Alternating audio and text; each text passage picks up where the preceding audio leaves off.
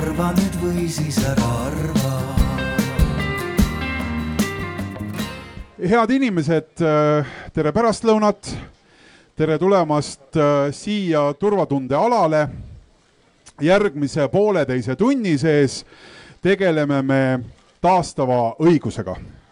minu kõrval siin seisab Anne-Grete Johanson, Sotsiaalkindlustusameti taastava õiguse teemalise tegevuse juht.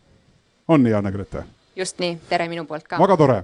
me oleme väga erutunud kogu meeskonnaga, kes hetke pärast siia lavale tulevad, sest me otsustasime täna, et me mängime taastavat õigust ja me ei mängi taastavat õigust selles mõttes, et, et see oleks kuidagi mäng, mängult, nagu lapsed ütlevad, vaid siia lavale tulevad kohe kolm lavakunstikateedri neljanda kursuse õpilast ja kaks vahendajat. ja me oleme otsustanud, et me mängime selles olukorra läbi. ma kõigepealt küsin, kes teab siin ja ma nüüd palun Sotsiaalkindlustusameti töötajatel ja kursused läbinutel hoida oma käed all, aga ülejäänud, kes teab, mis asi on taastav õigus? Kes on seda kuulnud, olemata ise kursustel käinud? üks, kaks, kolm, neli kätt näen. Lähen kõige, ma ei, kas vaatan, kui kaugemale saab minna? ei saa, vahetame korraks. kui sa, ole hea, tõuse korraks püsti ka et kui sa korraks peaks seletama kõigile teistele, kes kas on käinud kursustel või ei tea midagi, mis see taastav õigus on? Oh,. taastav õigus on siis äh, mingi konflikti lahendamine võimalikult mõlemale osale poolele siis äh, kõige kasulikumal moel, et a la lapsele me trahvi ei määra, vaid me teeme niimoodi, et see oleks kasulik. kuidas me selle vastusega rahul oleme? konflikti lahendamine see kahtlusteta on kasulikul määral muidugi mõlemad võiksid saada sellest tohutult kasu. kas keegi tahab veel midagi sellele kirjeldusele juurde panna nende harvade käte seast, mis enne üles tõusid? praegu veel ei taha, et ka need käed, mis tõusid, tunduvad, et said selle kirjeldusega kuidagi kätte. Anne-Grete, mis asi see taastav õigus siis on? taastava õiguse puhul on tegemist mõtteviisiga, kuidas me läheneme erinevatele konfliktidele ja õigusrikkumistele ja tuues siis osapooled kokku, kes on sellest kuidagi mõjutatud, võimalus rääkida, mis juhtus, mis mõtteid, tundeid see on tekitanud ja mida keegi vajab, et edasi liikuda selleks. kus seda kasutada saab, kus seda kasutatakse? no seda saab nii paljudes kohtades kasutada, saab alaealistega erinevates juhtumites, nii kooli äh, kiusamine kui äh, peresisesed konfliktid, naabritevahelised juhtumid kui ka kogukondlikud erimeelsused sinu lauale või sinu arvutisse õieti jõuavad need ettepanekud lahendada ühte või teist konflikti. mis teemalised kõige sagedamini jõuavad? kõige sagedasemad on alaealiste juhtumid, erinevad õigusrikkumised ja naabritevahelised konfliktid. mida me kohe siin nägema hakkame? oi, siin on üks selline põnev lugu, äh, lugu, mis äh, ei ole üldse mitte harv. tegemist on ühe kuueteistaastase tüdruku, Kerliga, kes on aasta aega olnud kinnises lasteasutuses ehk siis vana nimega erikool. Ja hakkab tema tagasi siis minema enda väiksesse kogukonda ja seal ei taheta teda kuidagi vastu võtta, ei taheta teda seal näha. ja mis siis kõik hakkab aset leidma, on näha siis seal juba kohtumisel. Tahaks öelda väga tore, see on selline klassikaline äh, sildlause, ehkki selle konflikti kontekstis ei ole siin midagi toredat. Ähm, ma ütlen nii palju ette, enne veel, kui me osaliselt siia kutsume, et see kõik on muidugi tohutult äh, tekstitundlik asi, nii et ma väga loodan, et meil õnnestuvad need mikrofonid siin kõik käima panna ja sealt edasi ka see, mis siin juhtub, on väga autentne sellele, mis äh, tegelikult nende kohtumiste käigus on. nii et te ei näe sellist äh, Te ei näe sellist ülekeedetud kisselli siin tõsi, mõne koha pealt lõikasime natukene seda kisselli, ütleme siis nii, aga, aga, aga see kõik on vahetu. ja selleks, et seda lugu jutustada, kutsun ma kõigepealt siia kaks vabatahtlikut. Anne-Grete kohe tutvustab vabatahtlikke. Margarita Ingel, Arno Lauk. ja kolm osalist, kes selles konfliktis on kokku sattunud. Eerik Karel ja Maria on nad elus, aga siin selles olukorras on siis äh, meil äh, õpetaja Mart, Kerli ja Ülo ja olge head, kahe sõnaga lihtsalt ka tutvustage, kes te siis olete ja, ja mis on, mis on teil iseenda rolli kohta öelda? mina olen Kerli, ma olen kuueteistaastane ja ma olen aasta aega viibinud erikoolis ja tahaksin väga oma vanasse kooli tagasi tulla. Ma viskasin aasta aega tagasi sisse ühe akna, õpetaja akna. ja mul on selle pärast väga kahju. ja see on see, miks ma sinna kooli sattusin. tere, äh, mina olen äh, Mart. Äh, mina olen bioloogiaõpetaja ja mina olin see, kelle aken sisse visati. Ja nüüd, äh, kui Kerli äh, tahab kooli tagasi tulla, et siis mina üritan anda endast parima, et ta seda teha saaks, aga samal ajal teha seda niimoodi, et see kõigile meie kogukonnast oleks vastuvõetav. tere, mina olen Ülo.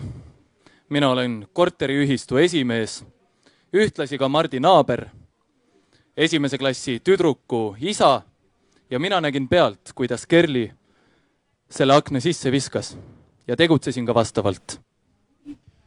aitäh, esimene kohtumine hakkab kohe aset leidma. me võtame siit äh, sisse sellise kõrvaltvaataja positsiooni, et Anne-Gretega saada võimalus ka kommenteerida selle osas, mis toimub. Anne-Grete, tule ole ja siia minu juurde ja kahe sõnaga ütle üle, mis see siis on, millest sellise konflikti lahendamine algab? Konflikti vahendamine algab sellest, et äh, konflikti vahendajad võtavad ühendust äh, osapoolega, lepivad kohtumiseks äh, aja kokku ja siis toimub selline esimene kohtumine, kus antakse sõna osapoolele, kes saab rääkida enda loo ja jagada enda mõtteid-tundeid. Nonii, me oleme tunnistajaks esimesele kohtumisele.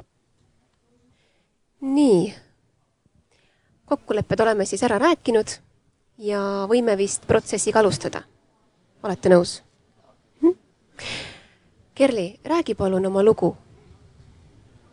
ma aasta aega olen olnud nüüd äh, teises koolis siin ja ma sattusin siia sellepärast, et ma viskasin äh, oma bioloogiaõpetaja akna sisse ja ma olen, ma olen selle peale väga palju mõelnud ja ma, mul on väga kahju selle pärast. ja ma tahaks väga oma vanasse kooli tagasi minna sügisest. aga ma kardan, et äkki mind ei taheta sinna enam.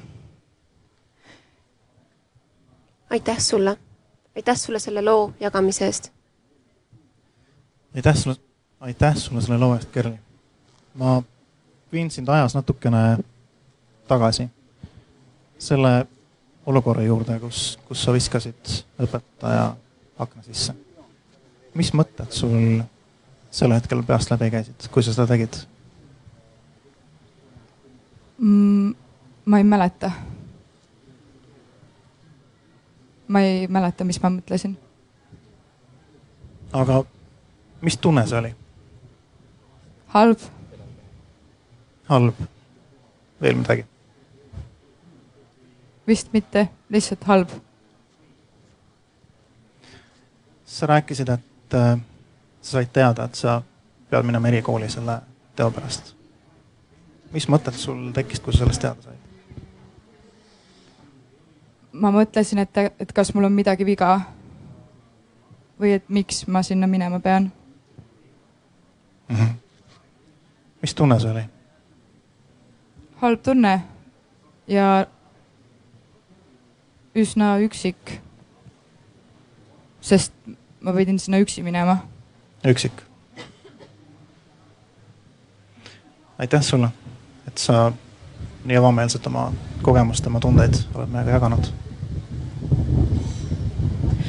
Kerli, ma viin sind natukene ajas veel tagasi küsin sinu käest, kuidas on olnud äh, sinu suhted enne seda juhtumit õpetajaga? tavalised.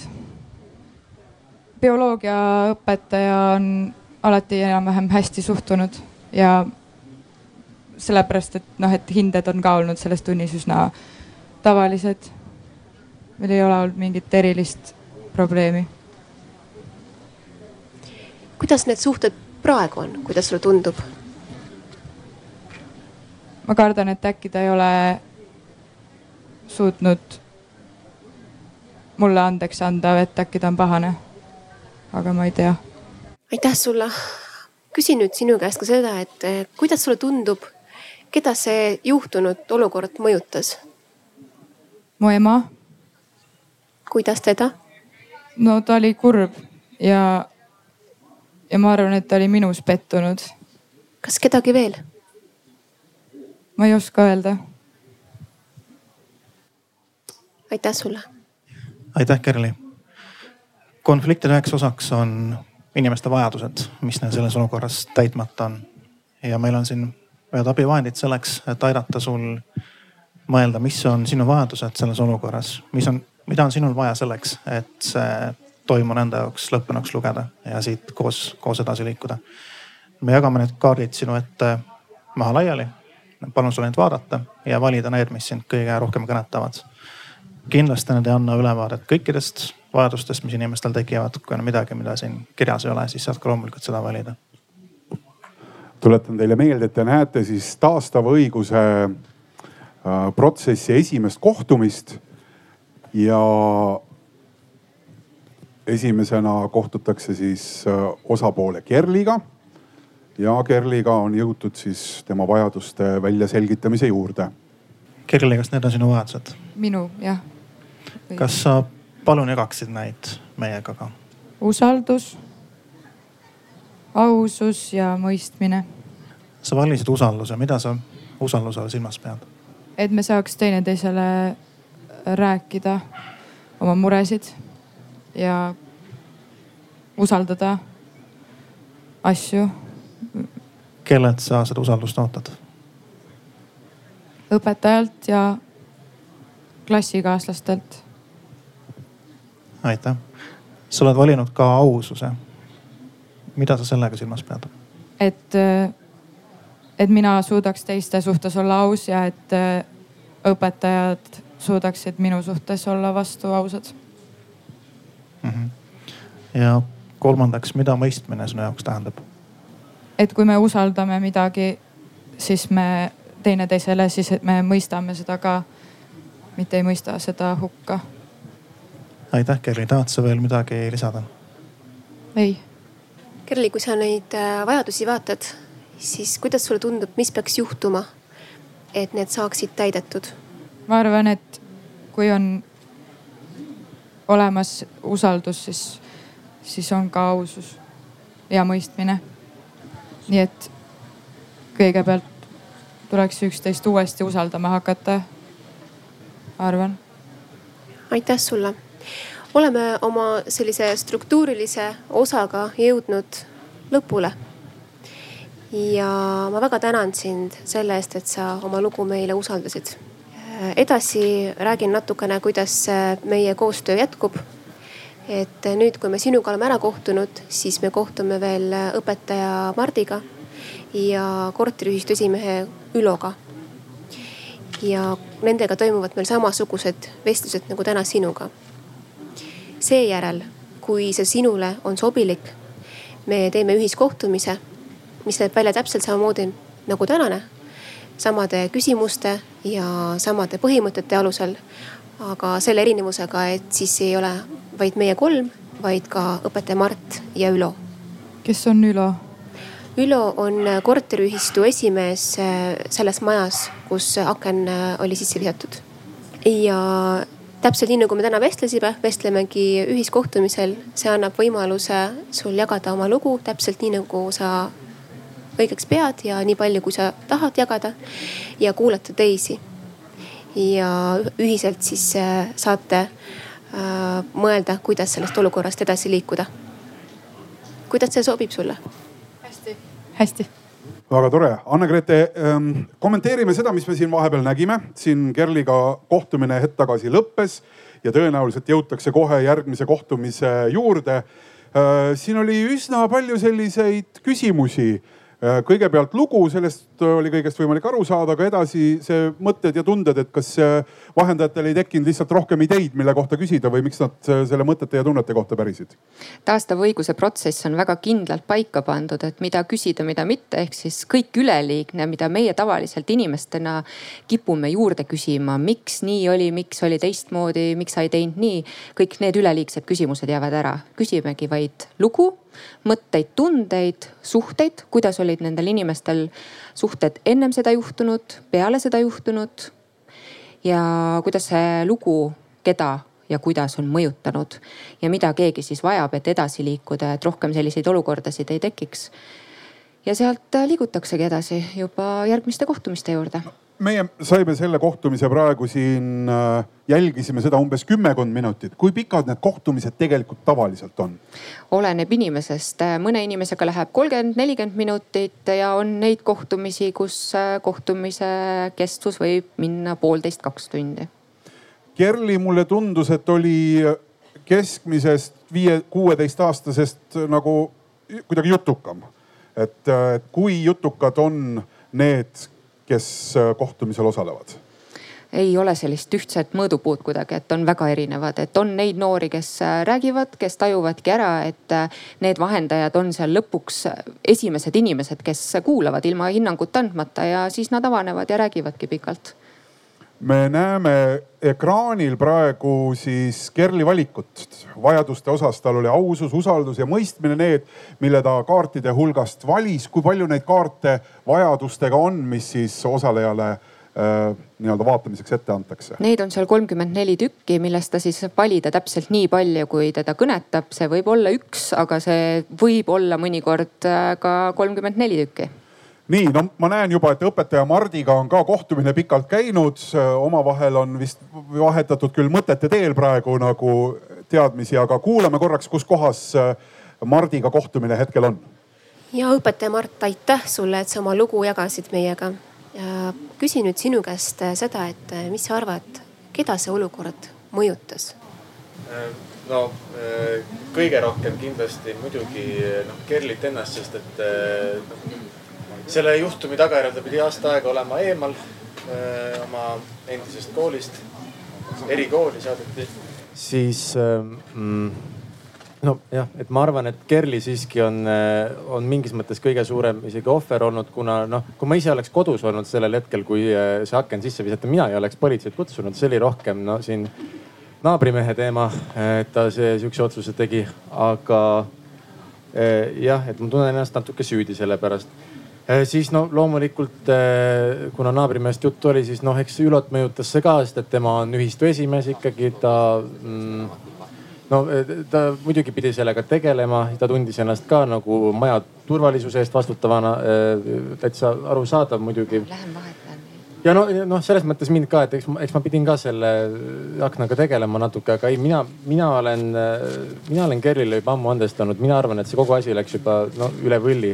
hea küll, et tal on olnud varem õigusrikkumisi ka, aga, aga ma arvan, et, et see oli täiesti kuidagi proportsioonist väljas, et, et niimoodi juhtus. aitäh. kas äh, tahad sa veel kedagi välja tuua? vist mitte. aitäh sulle. ja me siis kuulsime nüüd seda, kuidas äh, oma lugu jutustas äh, õpetaja Mart. see kohtumine lõppes täpselt samamoodi. Äh, ka tema vajadused räägiti üle ja läbi ja, ja nüüd on Üloga kohtumine, kuulame, kuhu Üloga kohtumine juba jõudnud on.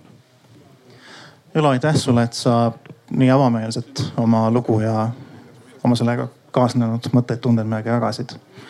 järgmiseks ma palun sul mõelda selle peale, kes on sinu meelest sellest toimunust mõjutatud?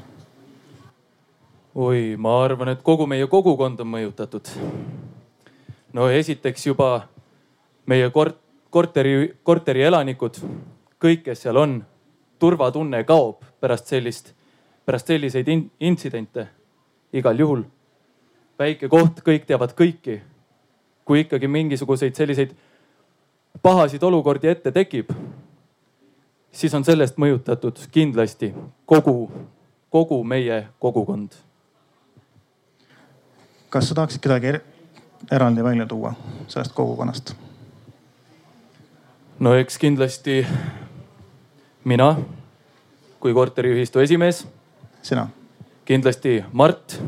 Mart. kelle aken sisse visati. oleks veel Mart kodus olnud sellel hetkel, oleks võinud veel halvemini minna, mine sa tea. noh, ja no eks Kerli ka, eks Kerli ise ka. Aga see, see on täiesti tema enda probleem, arvan mina. sa tõid kõigepealt välja ennast, kuidas see sind on mõjutanud? no mina vastutan kogu selle kortermaja eest. kui kortermajas kaob turvatunne, siis esimese asjana vaadatakse otsa ju ikkagi esimehele. juba see on üks asi, kuidas mina olen mõjutatud. teiseks olin mina sellel ajal kodus, mina nägin pealt ja mina pidin seda ka, mina pidin ka politsei kutsuma sellel hetkel. ja nii see mõjutaski mm. -hmm Ülo, kui sa mõtled selle peale, kuidas see Marti mõjutanud on, mis sa ütleksid? no Mardil läks aken katki. see on üpris selge, üpris selge tegur, mis mõjutab mm. -hmm. pärast, no kindlasti on Mardi turvatunne sellest rikutud. sellest ma olen üpris kindel, täpselt sama nagu terves korteris. sa tõid välja ka Kerli kuidas toimunu sinu meelest teda on mõjutanud? no Kerliga on, Kerliga on kehvasti küll selles suhtes, et tema pidi aasta aega olema teises koolis. nüüd eks siis näis, kas ta tuleb tagasi või mitte, aga ma lihtsalt, ma lihtsalt loodan, et ta on mõjutatud positiivselt. Et ta on saanud ikkagi sellest koolist ka midagi endaga kaasa. soovid sa veel kedagi välja tuua? ega vist ei oskagi rohkem. aitäh sulle, Ülo ja aitäh, me nägime Üloga kohtumise ka ära seal samamoodi ja läks asi veel siis äh, äh, vajaduste selgitamiseni ja, ja seejärel kokkuleppeni selle osas, äh, mismoodi ja kuidas need asjad edasi lähevad. Anne-Grete, võtame korraks selle esimese ringi siis kokku, et kõikide osapooltega kohtutakse mis edasi saab? inimesed on nõus, äh, valmis edasi liikuma, toimub ühine kohtumine, mida me varsti hakkame siin äh, nägema, kus siis on kõik osapooled kokku tulnud. mis selle öö, ühise kohtumise juures on oluline, mis mängureeglid siin on natukene teistsugused kui esimese kohtumise juures mm? -hmm siin on juba inimesi ju rohkem, ehk siis äh, jutujärg on väga oluline anda kordamööda Äh, osapooltele, keegi läbisegi ei hõika vahele, mis äh, kipub sageli olema, kui ei ole neid äh, koordineerijaid seal, vahendajaid. kas see, et meil on need vajaduste kaardid praegu maas, lihtsalt sõna otseses mõttes maapinna peal, kas see on lihtsalt sellepärast, et see laud, mis siin on, on nii väike ja nad sinna peale ära ei mahu? miks nad ei istu mingi mugava ümmarguse laua ääres ja ei aruta seda asja kõike? See on üks äh, selline osa kohe taastavast õigusest, et midagi segavat seal vahel ei oleks, ehk siis äh, lauda meie ruumis kindlasti ei ole. ehk ka need vajaduste kaardid, kui nad esitataksegi, siis samamoodi ikkagi laotaksegi põrandale. just. nii, millega teine ühine kohtumise voor algab? ühine kohtumine algab äh, kokkulepete tutvustamisega ja omavahelise tutvumisega. tere päevast suur aitäh teile, et te täna kohale tulite. ja kuigi me oleme teiega kõigiga juba eelnevalt kohtunud, teeme väikese tutvustusringi. mina olen konflikti vahendaja Margarita. mina olen Arn. mina olen Arno ja viin koos Margaritaga tänast vahendust läbi. mina olen Kerli. Mart. Ülo. aitäh. selleks et äh, tänane kohtumine oleks äh, võimalikult äh, turvaline ja neutraalne kõigile, siis natukene peame eelnevalt läbi rääkima ka kokkulepped. esimene ja kõige tähtsam kokkulepe on see, et me räägime kordamööda. meil on selleks võetud ka jutupulk. siin see on.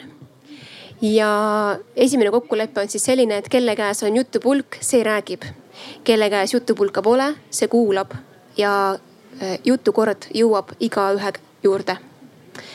ja suhtume üksteisesse lugupidavalt ja, ja vaatame siis lahenduse keskselt tulevikku. nii, igaüks siis jagab oma lugu nii, kuidas tema parajasti valmis on ja teised siis kuulavad. nagu me ka selgitasime, see osavõtt on vabatahtlik. kõik, mida me, kõik, mida me täna siin räägime, jääb see ringi meie omavahele.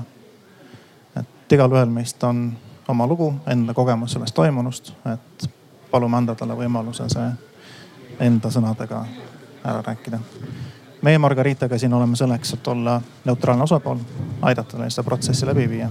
et kindlasti me hinnanguid ei anna ja kindlasti pole eesmärgiks leida ka, ka süüdlast. kuidas teile praegu tundub, olete valmis alustama? Kerli, palun sinul alustada. Milline on sinu lugu, mis juhtus? umbes aasta tagasi me viskasime või mina viskasin õpetaja Mardi akna sisse peale kooli. ja, ja peale seda ma sattusin erikooli, klatti ja, ja nüüd ma tahaks väga oma kooli tagasi tulla.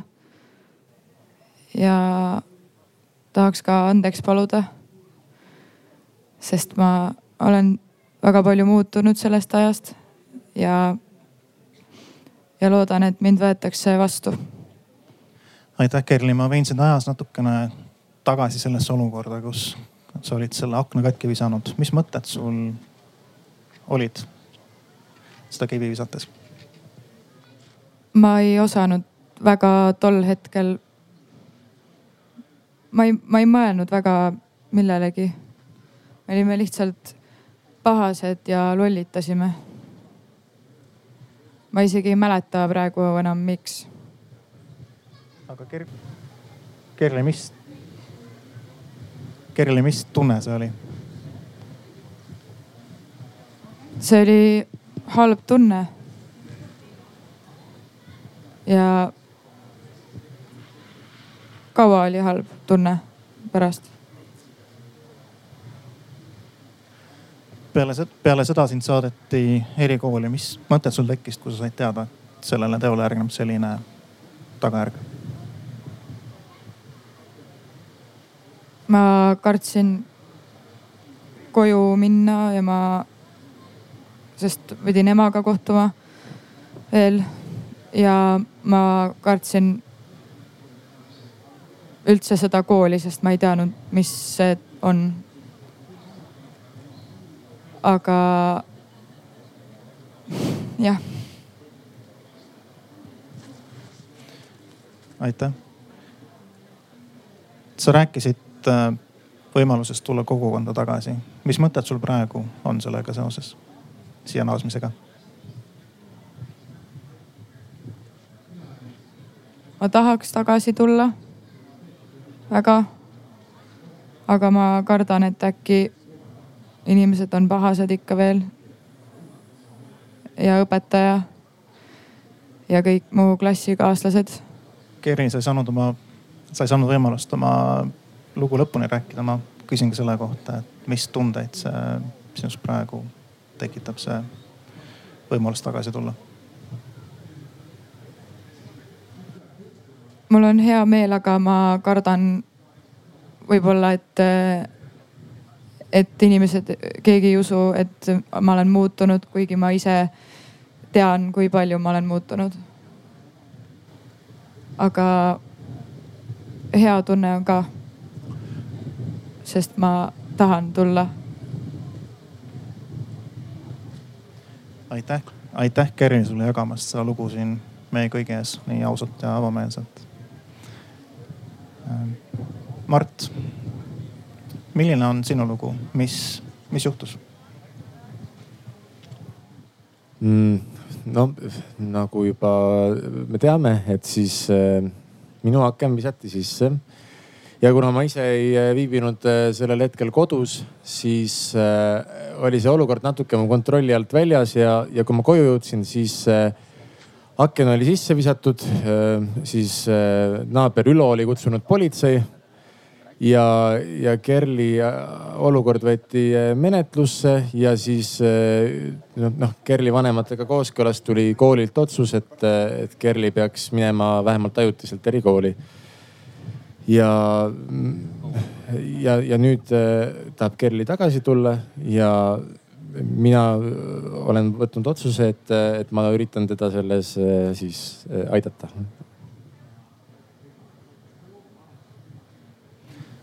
aitäh, Mart, selle loo eest. ma viin sind samuti natukene ajas tagasi selle hetkeni, kus sa said teada, et sinu aken oli katki visatud. mis mõtted sellega tekkisid?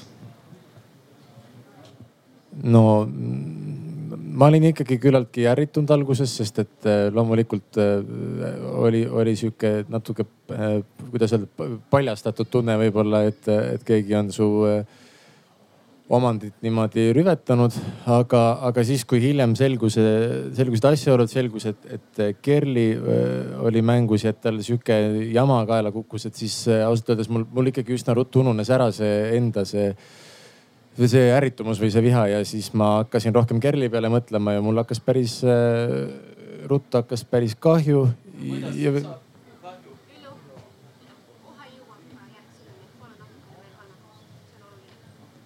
ühesõnaga ja, et ma, ma suutsin üsnagi ruttu äh, andestada äh, Kerlile selle, selle kõige eest. et see ei ole üldse see murekoht, et, äh, et jah, ja et minu, minu, arust on see asi juba ammu, see on ununenud, et see on ununenud, et kõik on hästi nüüd, jah. aitäh, Mart, kui sa korraks veel mõtled tagasi selleni, kus sa kuulsid, et sellele olukorrale on kutsutud politsei lahenduseks ja on politseiga, mis mõtteid see sinus tekitas?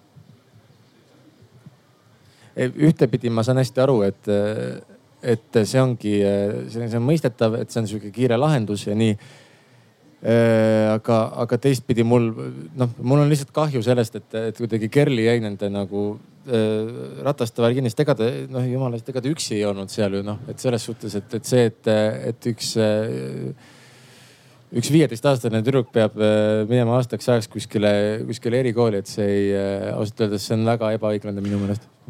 jah, et, et see küllaltki, äh, see, see väga ei, ei meeldi mulle me oleme praegu siin Mardi mõtete ja tunnete juures. Anne-Grete, vahepeal ma tahan lihtsalt kiiresti küsida, et, et kui üks ütleb, et ta tahab vabandust paluda, teine ütleb, et ega ta väga pahane enam ei ole. kas ei võiks seda kohtumist nüüd ära lõpetada, püsti tõusta ja öelda, et kõik on ju siis hästi?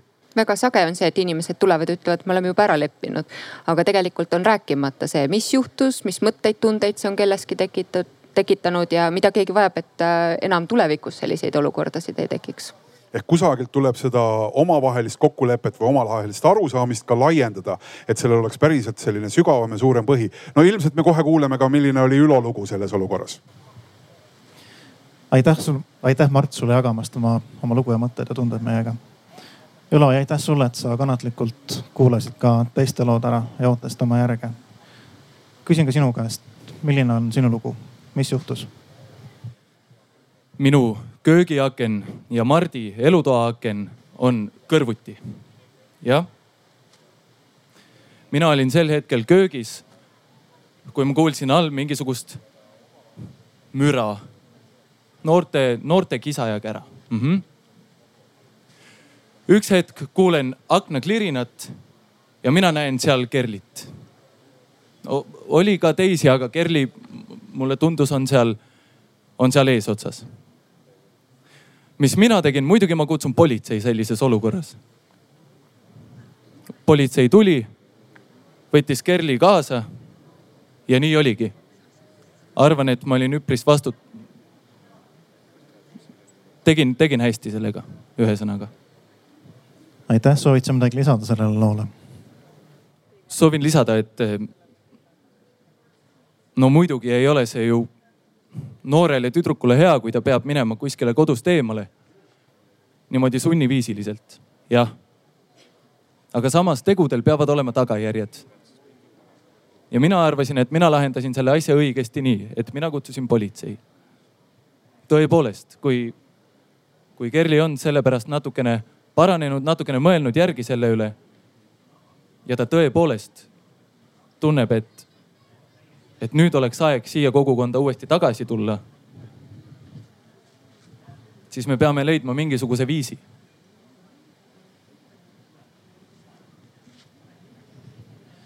aitäh Ülo selle loo eest. ka sinuga ma lähen natukene ajas tagasi ja mõtleme selle hetke peale, kus sa kuulsid akent purunemas ja nägid Kerlit teisel pool tänaval. mis mõtted sul kõigepealt tekkisid?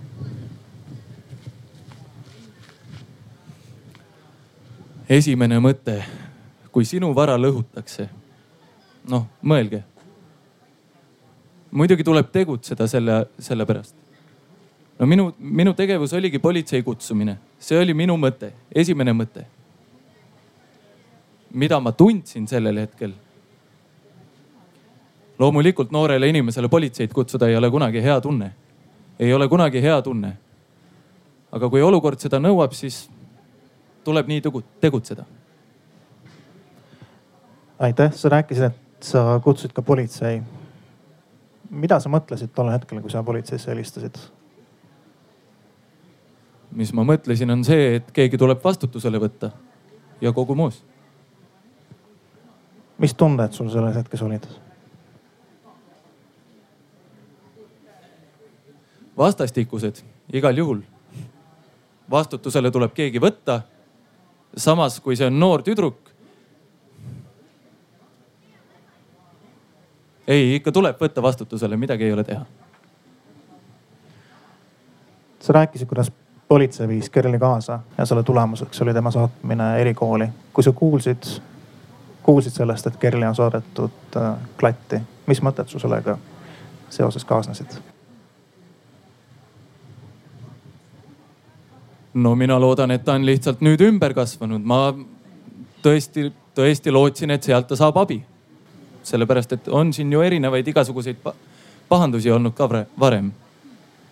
no ja eks siis nüüd näha ole, kas ta siis on saanud sealt abi või mitte. Anne-Grete, me kuuleme nagu aastatagust lugu, keegi on olnud aasta aega eemal. miks, miks seda aastatagust lugu peab meeles, meelde uuesti tuletama nii detailselt? Aga sa kuuled siin ju neid emotsioone, mis aasta aega hiljem ka veel on üleval, neid on vaja välja rääkida. Ela, peale teadasaamist, et Kerli on ära saadetud, mis tunne oli kuulda, et Kerli on nüüd erikoolis? lootusrikas tunne. ma arvan, et kui noorena juba selliseid ulakusi tehakse ja neid päris mitmeid lausa, siis äh, ma ei näe siin teist varianti.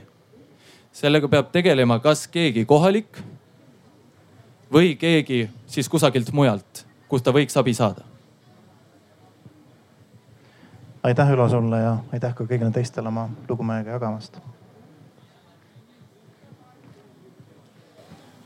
tänan teid, et äh, jagasite ja kuulasite. ja väga oluline on oma sõna järgi ära oodata. ma küsin teie käest, kui te mõtlete korraks olukorra peale, kes on sellest olukorrast mõjutatud? Kerli.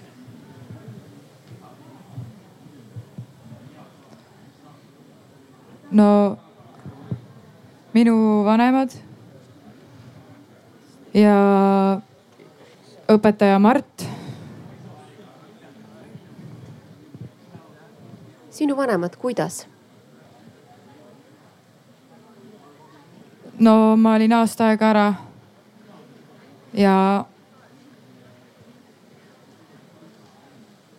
ja nad ei, ei teadnud, mida ma tunnen või miks ma üldse seda, seda tegin. ja nad olid pettunud selles olukorras. sa nimetasid ka õpetaja Marti, kuidas tema? No me rikkusime tema vara ja. ja ma arvan, et see oli võib-olla solvav. kas sa tahaksid veel kedagi välja tuua? ei taha. aitäh sulle. Enne kui järgmiste mõjutatute juurde läheb, siis äh, kui ma kuulasin, siis äh, Kerli esimesel korral ütles ainult ema, et, äh, et kas tal on siis lubatud nagu midagi sinna juurde panna, et kust see õpetaja Mart järsku siis nüüd tuli? ja et igal korral on tal võimalus rääkida uuesti oma lugu, ilma et vahendajad tulevad ja räägivad, et aga eelmisel korral sa nimetasid üht või teist asja teistmoodi. et tal on võimalus rääkida seda täpselt nii, nagu ta sellel korral endal heaks arvab aitäh sulle, Kerli. õpetaja Mart, mis sina arvad, keda see olukord mõjutanud on? mm,? no ma arvan, et ikkagi eelkõige noh, kõige rohkem Kerlit, sest et äh, tema pidi selle tagajärjel noh, no ütleme nii ajaliselt kui no, no igas mõttes kõige rohkem äh, vastutama, kõige rohkem kannatama, aasta aega kõigest eemal olema mm, ja, ja noh, loomulikult äh, mõjutas see noh, selles mõttes korteriühistu äh, turvalisust äh, nagu, nagu tundub siin, nagu Ülo on siin esindanud. kuigi noh, ma hästi ei kujuta ette, kuidas see küll kogu, kogu kogukonda mõjutab niimoodi, aga, aga noh hea küll, hea küll. ja, ja noh, no selles mõttes mind ennast ka, et jah, et ma, ma tegelesin sellega, ma vahetasin akna ära siis on see nüüd korras, nüüd on kõik korras, jah. rohkem ei lisa kedagi. aitäh sulle. Ülo, suur tänu sulle, et sa nii kannatlikult ootasid. kas sa avaksid ka oma arvamuse, keda see olukord mõjutas? kogu meie kogukonda, korteriühistut, kõik, kes on sellega seotud, nagu ma ütlesin ka esimesel kohtumisel. väike koht kõik teavad kõiki, jutud liiguvad nagu kulutuli. jutud, tunded, mõtted, turvatunne on kadunud. see mõjutas kõiki, muidugi kaasa arvatud Kerlit ja Kerli vanemaid, vot sellest ma ei tahaks nagu üldse teada. sa nimetasid ka Ker Kerlit, kuidas Kerlit see mõjutas, oskad sa avada? no Kerli on olnud aasta aega nüüd siis eh, erikoolis. võib-olla siis nii teda mõjutas see mm. -hmm. aga tema vanemaid? Sa nimetasid ka, kuidas nemad? vot vanemate nahas ei oleks ise küll tahtnud olla.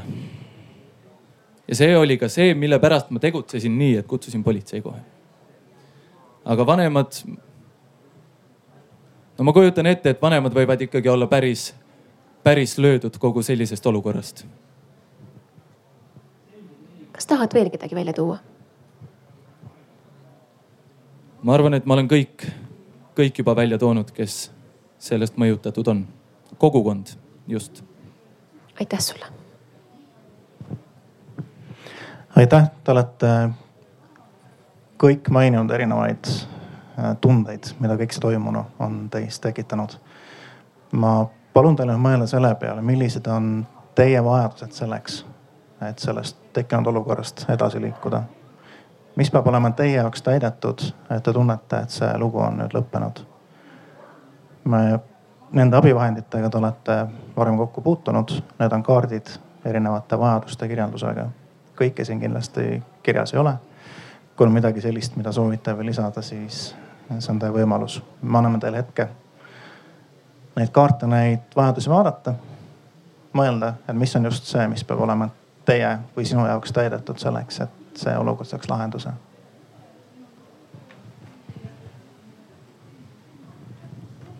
Anne-Grete, kui konkreetselt inimesed teavad oma vajadusi, kui lihtsalt see läheb, et sa leiad sealt need asjad, mis äh, sind kuidagi puudutavad?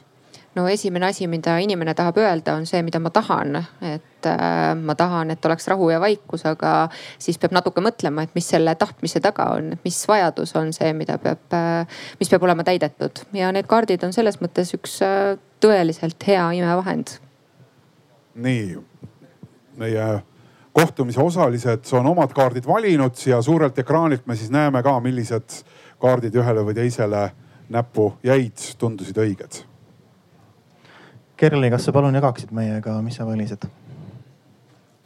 ma valisin needsamad kaardid, mis ma meie esimesel kohtumisel valisin. aususe, mõistmise ja usalduse. palun ava natukene, mida sa nendega silmas pead? aususe all ma mõtlen seda, et ma tahaks ise aus olla. Ja kui ma ise olen aus, siis, siis ma ootan ka teistelt vastu ausust. ja mõistmise puhul samamoodi. et kui, kui midagi jagada või usaldada, et siis saaks ka seda teha rahulikult, et, et oleks võimalik ausalt üldse rääkida sellest, mis toimub. Mida sa usalduse all silmas oled pidanud? see on võib-olla nagu, et ma loodan, et ma saan lõpuks usaldada seda uut olukorda. kas on midagi sellist, mida sa ise saad teha selleks, et luua usaldust selles olukorras? ma arvan, et äh, jaa, jah, muidugi. Oskad sa öelda praegu, mis see võiks olla?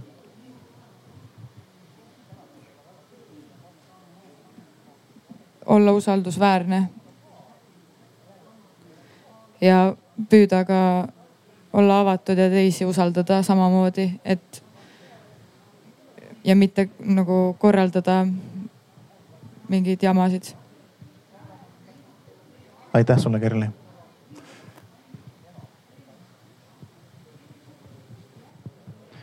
Mart, kas sa palun jagaksid meiega enda vajadusi? ja eh, mina valisin eh, siis kindlustunde ja eh, usalduse. oota, kas Mart saab täpselt sama asja valida, mida just hetk tagasi Kerli valis? saab ikka kas sa palun natukene avaksid seda, mida sa pead kindlustunde all siin silmas? Mm, no äh, ühtepidi see, et ma saaksin olla kindel, et kui nüüd Kerli tuleb tagasi oma vanasse kooli, et siis seda otsust austatakse, et ta võetakse ilusti vastu, et sellega ei kaasne mingisugust, ma ei tea, mingit vimma ja teistpidi mul on seda kindlustunnet ka endal vaja, et, et see kuidagi seda, ähm, et, et seda otsust, et ta tagasi võtta, et seda kuidagi minu peal siis äh, välja ei elata. Jah, siin, et, et, et kuidagi ei tahaks, ei tahaks ka sattuda mingi vaenu alla, et tahaks nagu olla ikka ilusti nagu selles kogukonnas sees. Mart, mida sa ise saad ära teha selleks, et kindlustunnet luua mm.? no ma arvan, et, et eelkõige kuna mina olen, ma tunnen Kerrit juba, juba aastaid ja ma, ma tean, milline ta on ja ma, ma tõesti näen, et, et nii palju, kui ma olen praegu märganud, et ta tõesti on, on, on paremas seisus, on, on muutunud, et siis kui mina teda usaldan, et siis ma saan loota, et äkki, äkki kuidagi teistesse see annab ka mingit kindlustunnet, et, et me saame kuidagi edasi minna koos nüüd uutmoodi, et jah mm. -hmm. sa valisid ka usalduse mida sa sellega silmas pead? Noh, see on hästi tihedalt seotud, et ma mõtlengi seda, et, et usaldatakse nii äh, minu otsust, kui et ka usaldatakse, et, et meie erikoolid on tasemel, et kui inimene seal lasteaega on, et siis ta tõesti temaga on tehtud tööd ja et, et ei pea nüüd seda vana taaka niimoodi, niimoodi temas nagu eluaeg temaga nagu kaasas hoidma et, et, et just ma seda mõtlengi, et kui me üksteist nüüd usaldame, et lähme koos edasi, et siis siis nii ongi hästi. Aitäh, soovid sa veel midagi lisada? ei, kõik sai vist öeldud jah. aitäh sulle, Mart. Ülo, kas sa palun jagaksid oma vajadusi meiega? no mina valisin turvalisuse ja usalduse. just. palun selgita natuke, mida sa pead silmas turvalisuse all?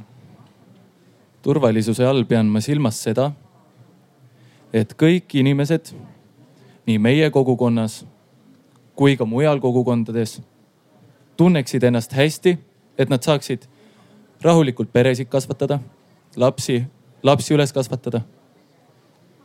turvalisust, turvalisust on vaja rahulikuks elamiseks. kes saab sulle seda turvalisust praegu pakkuda? no mina arvan, et see on,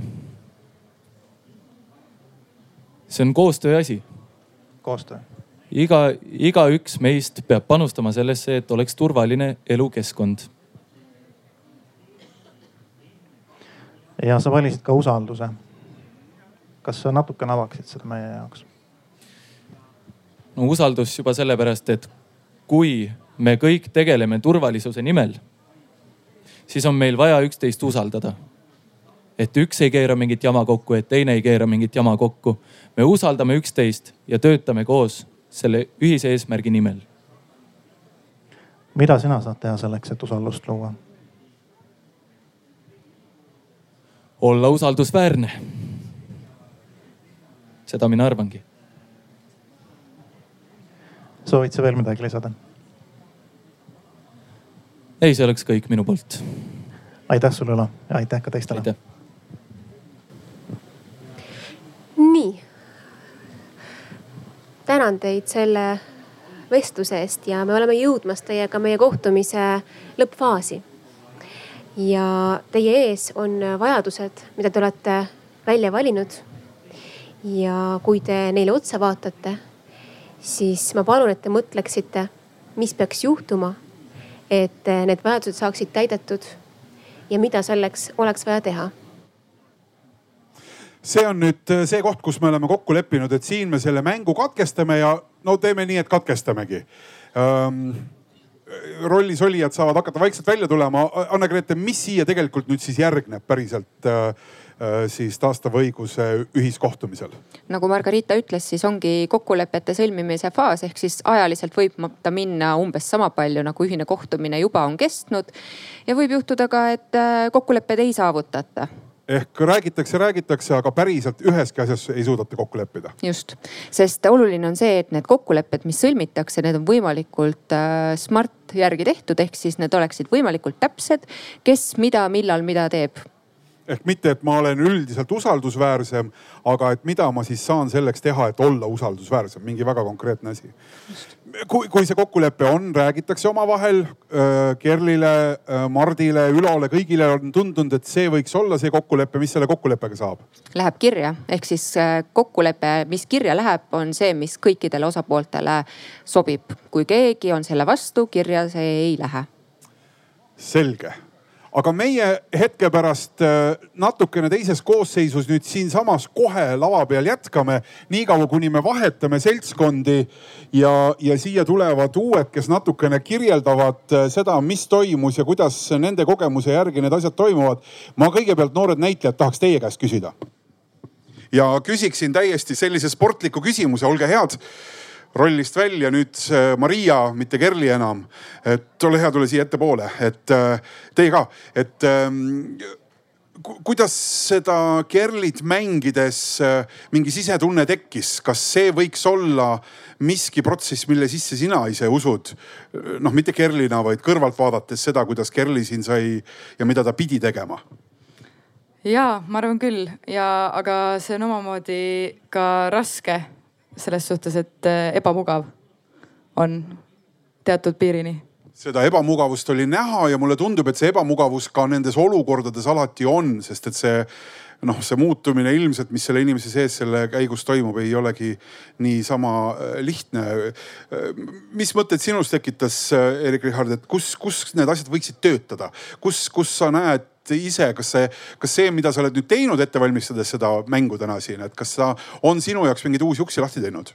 ja ma, ma täitsa kaalun seda, et ma võib-olla kunagi võiks seda teha või noh, sest et äh, see kuidagi ükskõik, mis, äh, mis meetod on mõeldud selleks, et äh, mingeid konflikte lahendada ja, ja just sihuke, kus kõik, kõik saab lahti räägitud, et ma väga toetan sihukest asja ja väga lahe oli seda proovida.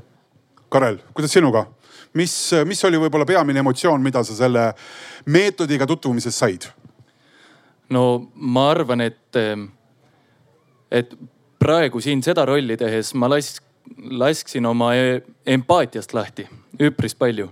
Ja ma usun, et, ma usun, et just see empaatiatunne ongi see võib-olla, mis tegelikult seda konflikti väga-väga paljuski lahendab, et, et kui sellised olukorrad või selline konflikti, konflikti vahendus tekib et siis seal tuleb tõesti hakata enda sisemist empaatiat eh, otsima. ja väga suur oht, et sellega võib äkki kohtuda isegi. on tõesti väga suur oht, jah suur aitäh teile ja suur aitäh äh, siis meie vabatahtlikele ka, kes seda vestlust läbi viisid, Margarita ja Arno. suur tänu teile. Äh, ma arvan, publiku aplaus äh, on, on kohane tänud ja me nüüd kutsun siia järgmise seltskonna omavahel kaasarääkijaid. Anne-Grete Johanson oli juba ka tuttav siin kommenteerides neid olukordi, episoode vahepeal, siis Kristel Põhjala, Rapla piirkonna grupi piirkonnapolitseinik ja ise vabatahtlik konfliktivahendaja Stanislav Solodov, justiitsministeeriumi projektijuht ja vabatahtlik eh, konfliktivahendaja ja Taimi Nilsson, Sotsiaalkindlustusameti ohvriabi ja ennetusteenuste osakonna projektijuht. et eh, palun teil siin võtta siis istet ja istun teie endi juurde ka. vaatame, me saame siit neid kõne vahendeid ka natukene jagada. no ma kõigepealt kogenud vabatahtlike käest küsin, et äh, kui reaalne see mäng siin oli? et muidugi me, me nii-öelda kompresseerisime, jätsime midagi vahelt ära. Äh, eelkohtumised äh, Ülo ja Mardiga olid selgelt lühemad, aga kõik see muu, mida te nägite, kui tuttav see oli teile? Stanislav. nii, mind on kuulda jah? väga tuttav, et et me siin oma, noh, kui näiteks veel rääkida koolitustest, äh, mida me siin ka ju läbi viime ja oleme ise need läbinud, siis äh, kõik need, äh, kõik see, mis täna siin toimus, on reaalsele elule väga lähedal ei no koolitus on ju ikkagi simulatsioon, et, et see siin me proovisime nagu sellist reaalset elu luua, kas see, kas see, kas see vastas pilt sellele, mis, millega, millega on tulnud kokku puutuda? Ja eh, vastab täiesti sellepärast, et siin kerkisid esile emotsioonid, mis on eh, kohtumisel täiesti tavaline ja mis on ka see, mis ei ole võib-olla jõudnud eh, inimene lõpule selle looga, nagu me siin nägime, et aasta ketranud lugu ja ikka emotsioonid on päevakorras, et väga hästi mängitud lugu korraks tagasi tulles selle lõpukohtumise juures äh, küsiti midagi, mida ei küsitud alguses, kui, kui juttu oli äh, vajadustest, siis ei küsitud seda, äh, mida sa ise saad teha selle jaoks, et see asi toimuks. ehk kui vaataja ei pannud tähele, siis see küsimus oli ja siis hakati otsima seda, kuidas mina nagu panustada saan. et kui me prooviks kuidagi nagu seda siis kirjeldada, et mis siin töötab, et mis see on, et te olete ise vabatahtlikud, teinud seda nüüd juba mõnda aega järelikult usute sellesse. no Anne-Grete saab raha ka muidugi riigi käest, eks ju, igakuiselt selle eest, aga, aga mulle tundub siiski, et sa ka usud sellesse. mis see siis on? proovime seda korraks lahti häkkida. miks ka taastav õigus töötab teie arvates? see annab inimestele hääle, ehk siis äh, tavapäraselt äh, kui me mõtleme, et äh, nii inimene võtab ühendust, Ülo võttis ühendust, kutsus äh, politsei. ja politsei tavaliselt oma protseduuridega on ju, noh, Kristel oskab siin enda igapäevasest tööst ka kommenteerida, et äh, küsitleb, uurib, aga nemad küsivad ikkagi neid küsimusi vahele sinna, et miks oli nii ja noh, neil on ju vaja teada saada need enda, endale olulised vastused aga meie siin enda protsessis ei küsi neid asju ja inimene saab rääkida seda lugu täpselt nii, nagu tema soovib aga võib-olla ta lihtsalt ajab mingit käojaani või mingit udu sinna juurde, valetab. siis ajab, see on tema protsess, et see ongi see võlu selle juures, et see on nende inimeste protsess. mu selja taga on üks plakat, kus on erinevad äh, meetodid, mida me pakume ja näiteks äh, taastav aruteluring äh, Taimiga just ennem vahetult rääkisime, et on inimesi, kes osalevad aruteluringis ja ütlevad, et ah, mis see siis oli. teised jälle tulevad sellise eufooriaga, et oh, see on elu muutev aga see kõik olenebki sellest, äh, milliseks need inimesed ise selle protsessi kujundavad okei okay,, sa ikkagi päriselt ka muidugi ei vasta, see, et, et see annab hääle, ma saan aru, aga mis selle protsessi sees siis see on, mis siis lõpuks selle hääle annab? Et võib-olla üks selline näide, et mis, mis selle hääle annab, et hiljuti ühte taastavat aruteluringi tehes äh, üsna noorte lastega eh, hakkasime ka kokkuleppeid tegema ja need lapsed tundsid ennast selles ringis juba nii turvaliselt, ütlesid halloo, me oleme neid kokkuleppeid juba teinud, need ei tööta. ütlesime, tooge need kokkulepped siia, vaatame üle ja neid kokkuleppeid oli vist seitseteist seal kirjas ja, ja allkirjad all ja asjad ausõna, kui ma peaks seitseteist kokkulepet iga päev nagu järgima ja, ja keegi veel peab arvet, siis oleks ka raske ja siis me ütlesime lastele, et okei okay,, teeme need kokkulepped, mida igaüks suudab täita, neid kokkuleppeid tuli kolm. et, et mina nägin nagu seal seda häält. minu teada on hästi oluline ka see, et äh, see hääle andmine läheb nagu natuke laiemaks, et nende mõtete ja tunnete kuulmine et äh, ma saan öelda näiteks nagu see Ülo korteriühistu esimees sai öelda, et äh, ma tahan seda distsipliini ja korda ja turvalisust on ju, et see on minu jaoks oluline.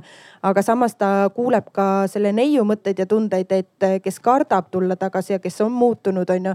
et need mõtted ja tunded aitavad meil nagu ka mõista ja see ongi selline jõuprotsess nagu. ehk siis konfliktisituatsioonides me ju enamasti tõenäoliselt ei kuule teise poole esiteks mõtteid, teiseks tundeid ja me ei saa tema saabastesse. ja, ja enamasti ju me spontaanselt ka ei taha teise saabastesse, eks ju, me ei taha siis kellegi saabastesse, kes võib-olla põhjustas meile midagi, mis meile ei meeldi, et see, see on päriselt keeruline protsess ja hästi tavapärane on see, et me kipume oletama, mida teine mõtleb ja tunneb ja sealt tekib tegelikult see konfliktolukord veel nagu eskaleerub. et me arvame, mida teine mõtleb ja tunneb mm. -hmm Stanislav?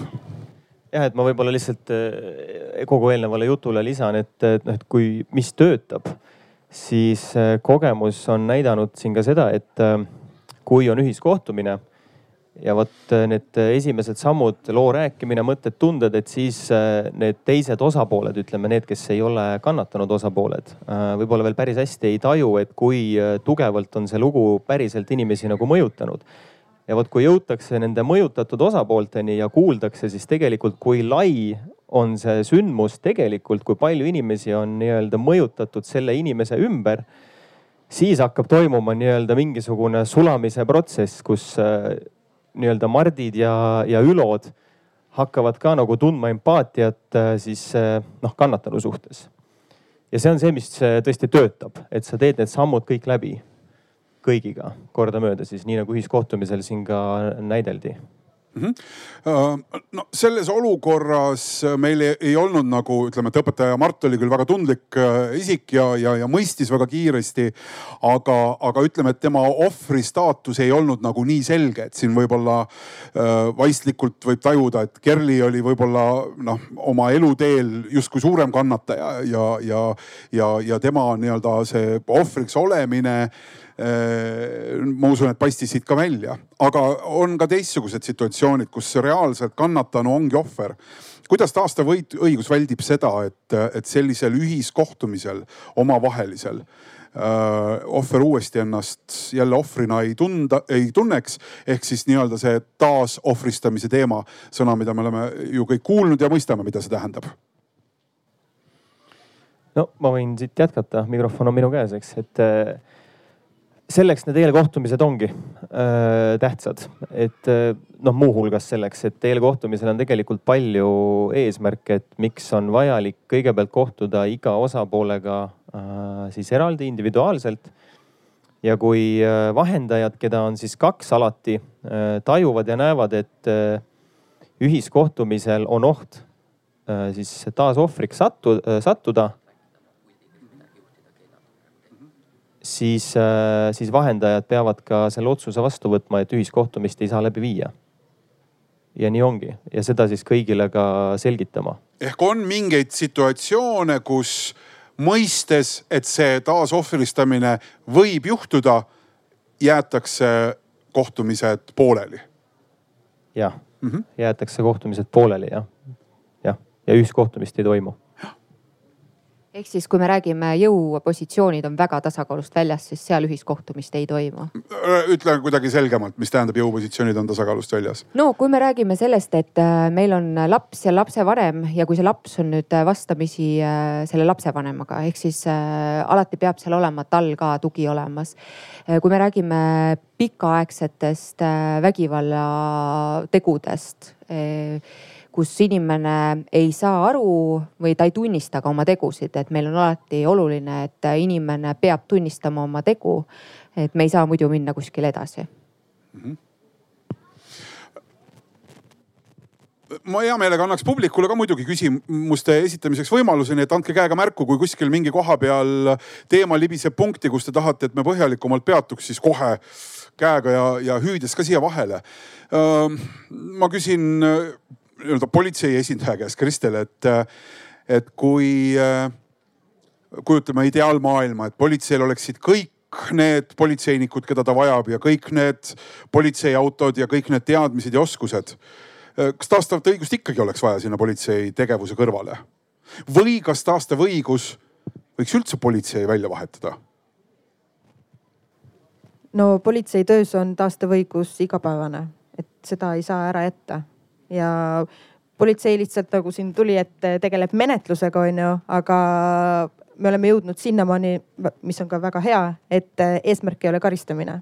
ehk eesmärk on millegi heastamine, kas see on siis vaimne või, või mingi materiaalne, aga et kui kaks osapoolt kokku saavad või olukord ja, ja see läbi politsei toimub, siis ongi see tehtud. mis hetkel politsei äh, võtab ühendust äh, Sotsiaalkindlustusametiga ja ütleb, et, et meil on üks juhtum, kus oleks taastavat õigust vaja? no üks äh, variant on see, et politsei teeb ise öö, oma võtmes, aga teine variant on see, et kui on vaja neutraalselt äh, inimest juurde või siis kaasab äh, Sotsiaalkindlustusameti. või kui on, äh, inimene ise soovib mingit muud varianti aga ikkagi nagu täpsemalt, et mis olukorrad need on, mis, mis konfliktid inimeste vahel, kuhu politsei on kaasatud juba, eks ju. et mis hetkel te ütlete, et vot aga võib-olla proovime siin taastavat õigust? mida iganes, naabritevahelised peresuhted, kool, kodu, lastevahelised suhted, mida iganes, lõhkumised, löömised, noh äärest äärde. lõhkumised, löömised on äh, üks konkreetne varaline kahju, teine isikule tekitatud kahju. kas see tähendab seda, et kui on kasutatud taastava õiguse protsessi, et siis on karistamine välditud, ehk siis ütleme, teo toimepanija peale seda, kui ta on äh, mingid kokkulepped sõlminud, nii nagu me nägime, siis tal enam paragrahv teda ei nii-öelda ei hirmuta või, või et ta ei saa karistatud rohkem? no oleneb muidugi olukordadest, mõnikord ei tähenda, et karistust ei tule vaid see võib olla leevendus, aga võib ka olla niiviisi, et mõjutusvahendina rakendatakse konfliktivahendust ja sellega karistust ei tule. aga see kõik sõltub olukordadest ja juhtumitest võib-olla teema, mida me ei ole veel üldse käsitlenud, et kus need põhilised vajadused siis on, kus seda taastavat õigust täna kõige rohkem kasutatakse? me siin alguses paari sõnaga Anne-Gretel lasin seda öelda, aga laiendame natukene, et, et miks ja kus me seda üldse kasutame no Kristel tõi siin välja, noorte vahel on äh, koolikonfliktid, äh, mis oli nüüd äh, ütleme ennem kooliaasta lõppu, väga sage oli erinevad konfliktid. õpetajad versus lapsed, lapsevanemad versus kooli personal, et kõik oota, vabandust, lapsevanemad versus lapsed ehk siis taastavat õigust kasutatakse ka peresiseste probleemide lahendamiseks? ja ikka mm. -hmm nii, sul oli. Äh, siis on äh, töökollektiivid, et kollektiivides on olnud mingid konfliktid, millest ei räägita ja siis need on äh, kasvanud, kasvanud ja siis ühel hetkel on kuuldud, et sotsiaalkindlustusamet pakub sellist teenust ja äkki proovime ja vaatame. mis ennem jäi mainimata, on see, et teenus on täiesti vabatahtlik, ehk siis see tähendab seda, et inimesed, kes sinna protsessi sisenevad, nad peavad olema valmis ja nad peavad tahtma. ehk siis see on ka see koht, kus me tegelikult võime juhtumi pooleli jätta. kui on näha, et keegi on kuidagi sunnitud, survestatud, ta ei ole motiveeritud ja ei soovi neid äh, kokkuleppeid või ta ei taha ise rääkida, ei taha teist poolt kuulata ja naabritevahelised, nagu Kristel siin välja tõi, et naabritevahelised erinevad konfliktid on väga sagedased. kui palju neid taastava õiguse protsesse Eestis siis on? et äh, me teame, meil on kolmsada kuuskümmend viis päeva aastas, et kui palju neid lugusid aasta peale juba tuleb, kus äh, vabatahtlikud aitavad siis konflikte vahendada? no me oleme tegelikult ju alles äh, sellises väga lapsekingades, et me alles eelmise aasta algusest oma teenusega alustasime tänaseks päevaks meil on eh, veidi üle kahesaja loo tulnud, ehk siis eh, sellel aastal on selline hüppeline kasv olnud, et üle saja loo on juba jõudnud meieni. ehk sisuliselt seda statistikat mõeldes, siis selle nädala sees, mis selja taha hakkab jääma, võiks arvata, et umbes kaks lugu võiks olla sellesse nädalasse kuuluv, ehk ta on üsna sage. on mm.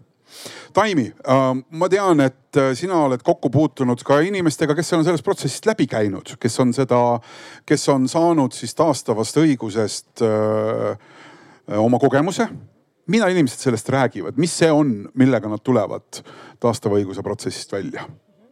no mul on jah varasemast äh, terapeudi tööst mõned, mõned kogemused, kus pered on just nimelt niimoodi kogukonnas olnud selles taastavas aruteluringis ja, ja tõesti on, on vanemad ja, ja ka noored ise pärast välja toonud, et A, mind kuulati.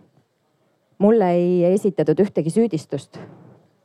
ja, ja me tegime kokkulepped, millega ma olen nõus, et mul tuleb hästi meelde ühe noore, noore lugu, kus ta kogukonna arutelus ütles, et ma tahan, et mind austatakse ja, ja ülejäänud ring vaatas, et ah, sina. Ja siis ta tõi välja, mis see austus tema jaoks on, nii nagu see vajaduste kaudu käib ja, ja kõik olid väga-väga sellega kaasas ja nõus.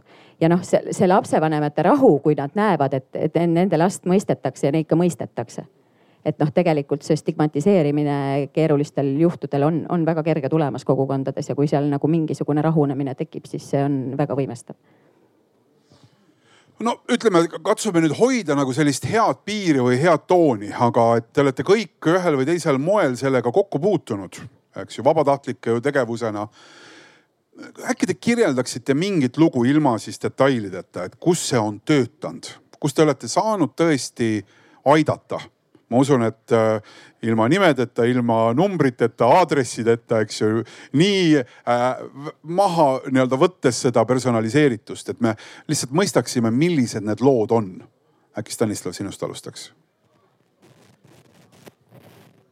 jah äh,. kuidas seda nüüd niimoodi lühidalt teha, et äh, lood on tavaliselt pikad, algavad ammusest ajast. Äh, no minu puhul, minu kogemuse puhul on töötanud äh, kaks tegelikult sarnast lugu, mis ongi peresisesed lood, kus äh, suhted äh, siis ühe juhtumi puhul ema ja poja vahel, alaealise poja vahel olid äh, siis noh, natuke sassi läinud, et seal neljateistaastane poiss, erinevad käitumisraskused. teise loo puhul samamoodi, et, et ema ja tütar lihtsalt, et ja see selles mõttes töötas mõlema loo puhul ja jällegi, kui küsida, et mis see töötas, töötas see, et äh, vahendajate abil äh, oli emal siis äh, poisiga võimalik noh, niimoodi selliselt rääkida, et kus üks kuulab ja teine räägib.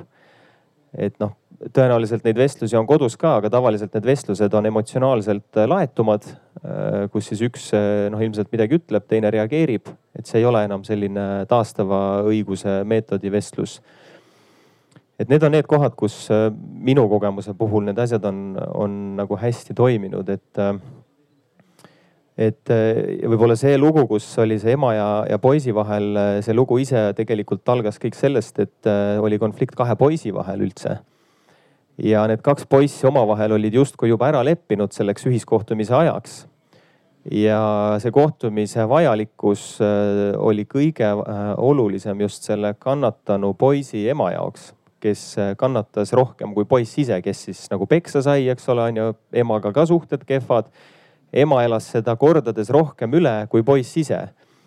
ja see ühiskohtumine andis siis emale tõesti sellise väga noh, väga emotsionaalse noh, ma usun, et sellise nagu heaolutunde, kus, äh, kus ta nägi siis oma poisile siis peksa andnud poissi, tema ema, sest et ta tahtis väga neid näha Äh, muud võimalust ju selleks põhimõtteliselt ei, ei olnud, ühiskohtumine võimaldas seda. ta kuulis äh, isiklikke vabandusi äh, ema suust, siis vastas, vastase poole siis nii-öelda ema suust, mis olid nagu siirad. nii et noh, lõpuks ta jäi väga rahule mul hakkas peas käima niimoodi, et millist lugu nüüd rääkida. võtan enda sellenädalase loo, ühine kohtumine juhtum tegelikult ei olnud üldse otseselt nende kahe inimese vahel, aga äh, kohtumisel oli siis ema ja tütar. Mm, ja see juhtum, mille pärast nad meieni jõudsid äh, prokuratuurist oli tegelikult äh, see, mis puudutas üldse kasuisa. kasuisa jäi sellest protsessist hetkel välja ja tütar soovis enda emaga suhelda meie tuge selle juures, et äh, rääkida oma lugu ja küsida enda küsimusi ja saada nendele vastuseid, et ta saaks edasi liikuda. ja siis, kui meil oli see ettevalmistav töö, siis äh, me mõtlesime kõik variandid välja, et äh, kui ema sekkub vahele, kuidas saab tüdruk märku anda, et, et meie nüüd võtame üle. millised on need küsimused, mida meie küsime tema asemel, oleme tema hääl ja, ja siis ta ütles ka, et teda teeb nii ärevaks see, et me mõtleme nii erinevaid skripte välja, et mis kõik võib olla. ja siis me ütlesimegi, et noh, see ongi see ettevalmistus, see ongi oluline, et, et me saame kindlustada selle, et ta tunneb ennast seal ühisel kohtumisel turvaliselt ja kui see ühine kohtumine oli, siis äh, tal oli see meie kuubik käes, taastava õiguse kuubik ja see oli siis märguanne, et kui äh,, kui ta paneb selle laua peale, ehk siis see oli see protsess, kus me lauda kasutasime ja et see on siis see märk, kus, äh, kus meie võtame üle ja ta ühel hetkel äh, hakkas seda kogemata laua peale panema ja siis ta ise sai aru, et oo oh, oh, ei, ei, ei, ei. ja siis ema muidugi ei saanud sellest aru, et mis, mis see nüüd täpselt oli. ja selle kohtumise lõpus äh, ema väljendas ka, et temal ei ole tundeid ja tütar ühel hetkel ütles, et mul on nii kahju kuulda, et sul ei ole selle osas mitte mingeid tundeid. ja see, mis see tütar pärast kohtumise lõpus väljendas, ütles, et, et ma saan aru, et sa oled mulle ennem ka nendele küsimustele vastanud, aga ma ei ole nendest asjadest ennem aru saanud. ja siin ma praegu sain aru, sest äh, mul oli tagatud see turvaline ruum ja ma sain päriselt nendest asjadest aru. Äh, minul oli ka, ma toon selle loo, kus oli pere, aga mitu erinevat põlvkonda ja vanusevahe on siis üsna suur ja see oli juba tükk aega ehk äh, mitu aastat sellist lumepalliefekti tekitanud ja omavahel ei suheldud. ja see taastava õiguse konflikti vahendus andis siis selle võimaluse, mida ma päriselt enne ka ei uskunud.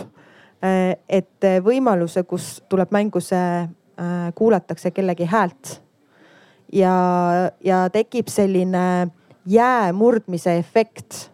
ja kui me jõuame mõtete, tunneteni ja, ja siis see kuidagi paneb inimese kandma ja see viha nagu laabub või, või tekib selline mõistmine, et see on nagu väga-väga tugev tunne. ja kui sa näed seda selles protsessis, siis tänu sellele vahendusele või sellele turvatundele, et keegi ei sega vahele, keegi ei hakka süüdistama, etteheiteid tegema, et ma jõuan oma mõtte ära lõpetada siis lõpuringis vanem generatsioon ütleski, et ma saan aru, mis meie tegelik probleem oli, me ei kuulanud üksteist lõpuni ja sealt tekkisidki kõik järgmised, järgmised, järgmised probleemid. ja lõpuks, äh, kui vahendajatena me andsime võimaluse neid turvaliselt lõpuni kuulata, siis nad jõudsid ka lõpuks äh, kokkulepeteni. et see oli nagu kõige suurem asi üldse mm. -hmm ja ma võin siia ühe kiire näite tuua, et ma ise otseselt konfliktivahendusi ei ole veel äh, läbi viinud, aga, aga oma töös kuidagi instinktiivselt ma olen lastega töötades kogu aeg kasutanud sellist äh, inimlikku humaanset kohtlemist ja suhtlemist, äh, mis ka taastav õigus, eks ju, välja toob ja, ja võib-olla minu märkamine selle koha pealt, kus ma ühe noorega töötasin teraapiaprotsessis ja, ja tema jaoks oli kanep ravimtaim ja minu jaoks on kanep narkootikum. Ja, ja mina seisin oma pjedestaalile tema omal ja, ja ühel päeval, kas mul oli siis niivõrd hea tuju või ma olin hästi maganud, ma kuulasin, mis ta siis sellest ravimtaimest räägib.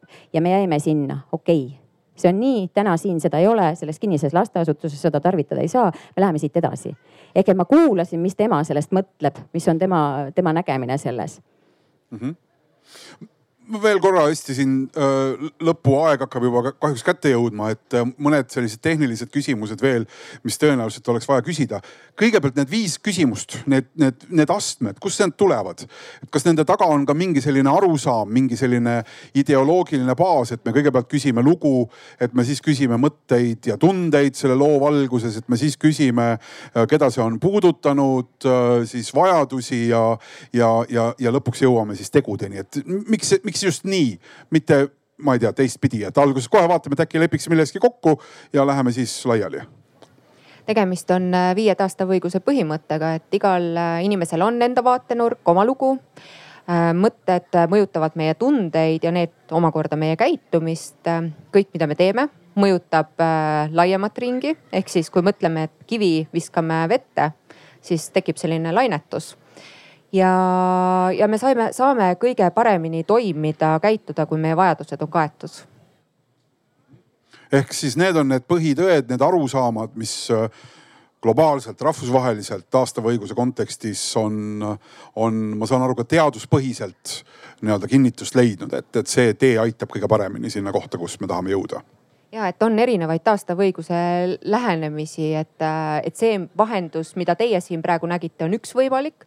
aga maailmas on väga palju erinevaid praktikaid, kõik nad baseeruvad nendel viiel põhimõttel me ei ole veel rääkinud, mis sellest kokkuleppest saab, et jah, see sõlmitakse, kirjutatakse alla, paber on olemas ja mis see paber siis teeb? See paber äh, saadetakse meie Sotsiaalkindlustusameti poolt tagasi suunajale koos kokkuvõttega. Äh, kokkuvõte on hästi selline umbmäärane, ehk siis millal kohtumised toimusid, milline oli meelestatus, aga mitte ühtegi sõna selle kohta, mida kohtumisel räägiti, kõik on täiesti konfidentsiaalne. ja järelevalvet siis äh, teostab suunaja ehk siis, kui tuleb kohalikust omavalitsusest, lastekaitsetöötaja poolt, koolist politseist, prokuratuurist, siis järelevalvet teostab vastav ametnik. Väga tore nii publiku poole nüüd kõigepealt, kas on kellelgi mingi asi jäänud segaseks veel? me tegime puust äh, siin alguseks ja värvisime ka punaseks ja püüdsime kõik selle läbi teha. kas kellelgi on mingi küsimus? Otil on, Ott küsib kohe. ma tulen siit pika sammuga. ja et äh, lühidalt sai juba kaetud just see, et see nagu fookus äh, ei ole siis karistamisel, vaid sellise lahenduse leidmisel. aga minu küsimuseks jääb veidike see, et kas Eesti inimene ei kipu just olema seda karistuse usku, et ikka kuritöö ja karistus. et äh, kas inimesed. sinna juurde veel kogukond ja turvatunne, ütleb Ülo, eks ju, nagu ta rääkis. ja selles mõttes tegelikult ma arvan, et Ülo võttis väga hästi väga paljude eestlaste sellise reaktsiooni kokku. et äh, kui avatud üldse ollakse sellele ja kui hästi seda vastu võetakse väga hea küsimus, Ott, Anne-Grete saab vastata. kui vastuvõtlikud on äh,?